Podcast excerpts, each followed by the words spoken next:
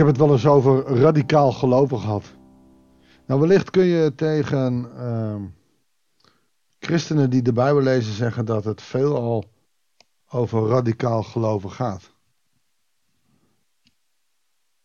En we zullen vandaag in Matthäus dat ook tegenkomen.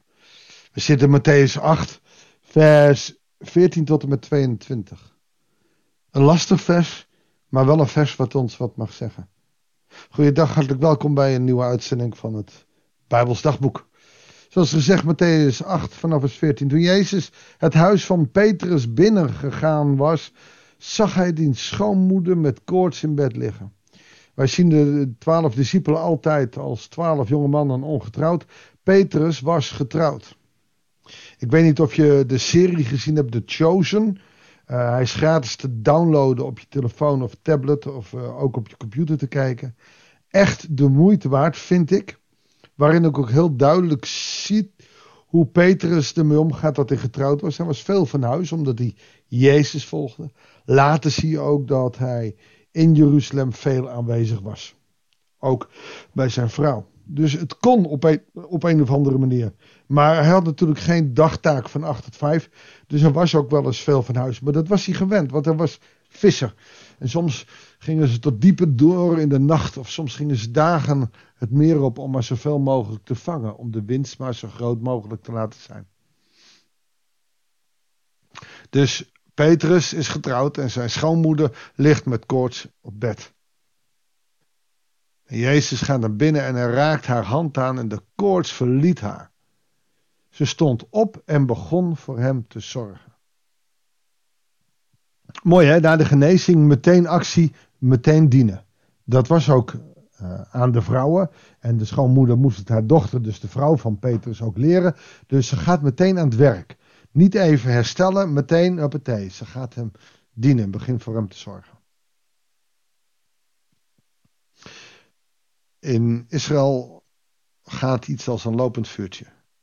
En bij het vallen van de avond brachten ze vele bezetenen bij hem. Met een enkel woord dreef hij de geesten uit. En alle die ziek waren, genas hij. Zo moest in vervulling gaan wat gezegd was door de profeet Jesaja. Hij was het die onze zieke, ziekte wegnam en onze kwalen op zich genomen had. Interessant dat Jesaja profeteert over Jezus. Zegt het dan wat over ons? Hebben wij dan ook die macht? Ja, dat is theologisch nogal eens een discussie. Uh, het makkelijkste is om te zeggen: nee, dat was alleen voor de 70 die uitgezonden zijn. En niet meer voor uh, ons. En dat geldt in vele, nou, toch wel traditionele kerken wordt dat nog wel genoemd.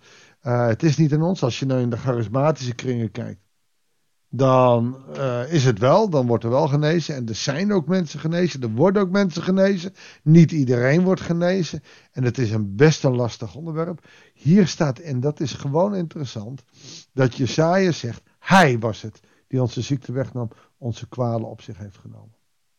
Maar dat doelt dan ook op het kruis.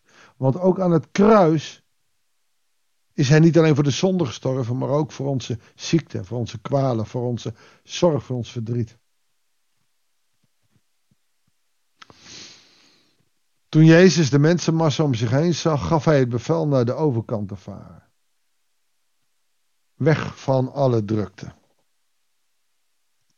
Mooi is dat, dat Jezus af en toe ook gewoon de rust en de ruimte nodig heeft. Ik ben wel uh, met mensen in aanraking gekomen die waren zo bloedfanatiek met bijbelstudieën, dit doen, dat doen, zus doen, dat ze niet eens de tijd namen voor zichzelf, niet eens de rust namen. Ik heb ooit eens een jongen die tegen een burn-out aan zat door het kerkenwerk wat hij moest doen volgens hem. De ene bijbelstudie naar de andere, waarop ik zeg, heb je, heb je het verhaal nou eens echt gelezen? Je ziet Jezus af en toe in de bergen gaan om zich terug te trekken. En ook hier zegt hij, we gaan de overkant, even in de boot. Dat betekent dat de mensenmassa eromheen moet. Dan heb je een dag even de rust. Maar hij wordt tegengehouden. Schriftgeleerde kwam op hem af en zei, meester, ik zal u volgen waarheen u ook gaat.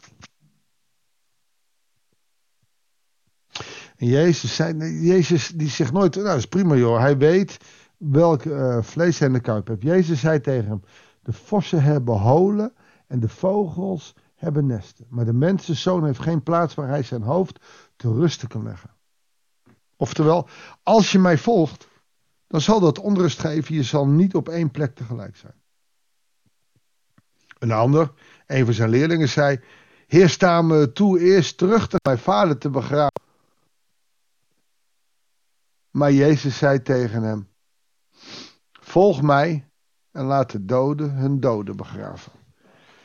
Jezus, wat zeg je nou? Dit is uh, een soort van extreem waar heel veel mensen zenuwachtig van worden.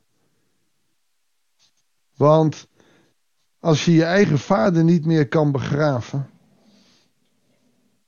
Wat Jezus zegt is niet dat hij dat niet meer mag doen. Maar wat hij zegt is: als je mij wil volgen, dan ben je niet meer met de wereld bezig. Jullie willen maar met wereldse dingen. Je wil mij volgen, maar ondertussen de gemakken of de ongemakken van de wereld met zich mee. Want dat is prettig, dat is makkelijk. Als je mij wil volgen, zegt Jezus, dan moet het je wat kosten. Schriftgeleerde, je zult niet in je eigen warme huis zijn. Discipel, laat de wereld de wereld. Je zult met mij een hele andere kant op moeten. En dat geldt ook voor ons. Als we Jezus volgen, dan gaan we tegen natuurlijke dingen, tegen natuurlijke besluiten nemen. Want alles wat Jezus vraagt gaat tegen onze menselijke natuur in. En dat is ontzettend moeilijk. Ik heb het wel eens eerder gezegd, je zou moeten leren omdenken. Het is niet de gebaande wegen gaan volgen. Niet de brede weg. Ja, maar op de brede weg kunnen we een hoop doen. De eerste smalle weg. Op die smalle weg kom jij genoeg mensen tegen. We moeten leren om Gods wil te verstaan. En die wil is soms tegendraads. Dat is soms zo anders dan wij zouden willen. Ongelooflijk moeilijk om als christenen echt de wil van de hemels vader te doen. En dat is niet erg, dat is goed, dat is mooi, dat is, dat is een gevecht. maar als je het gevecht maar aangaat. Je hoeft niet altijd te winnen als je het gevecht maar aangaat. Want het gevecht is van groot belang. En dan bedoel ik niet vechten in de letterlijke zin, maar het is niet altijd makkelijk om Jezus te volgen in deze wereld. Je zult uitgelachen worden. Nou, wij worden hier niet om vermoord, dat is in sommige landen ook weer zo. Je zult niet altijd geaccepteerd worden. Je zult met de nek aangekeken worden. En er komt een tijd dat je zelfs je baan niet kan behouden als je belooft christen te zijn. Het is wat. Laten we dan maar gaan bidden of Hij ons de kracht wil geven om dicht bij Hem te leven, Zijn wil te zoeken. En dan bij niet stil maar wacht maar alles komt wel goed. Nee, dat betekent dat er onrust is in ons leven. En hoe meer onrust door ons geloof, hoe scherper ons geloof zal worden en hoe beter we groeien in dat geloof. Nou, dan ga ik voor jou bidden. Dan ga ik onrust voor je bidden, zodat het wereldse gemakzucht van ons afvalt. En dat de onrust die het geloof met ons mee kan en zal brengen, ons dichter bij Jezus kan brengen. Raar gebed, maar ik heb al in het verleden meer gehoord, gemerkt dat dit gebed toch wel een gebed is wat helpt. Heere God, we komen voor uw aangezicht. En ik wil u bidden voor de luisteraar, voor ons allemaal. Wilt u ons onrust geven als wij denken via een rustig leventje ons geloof te kunnen houden? Wil het geloof laten schuren, zodat daar waar het schuurt, het ons laat groeien en we de juiste keuze maken. Wil door de kracht van uw geest helpen om de juiste beslissingen te nemen, ook al zijn die niet altijd even makkelijk. Heer, dit bidden wij u in Jezus' naam.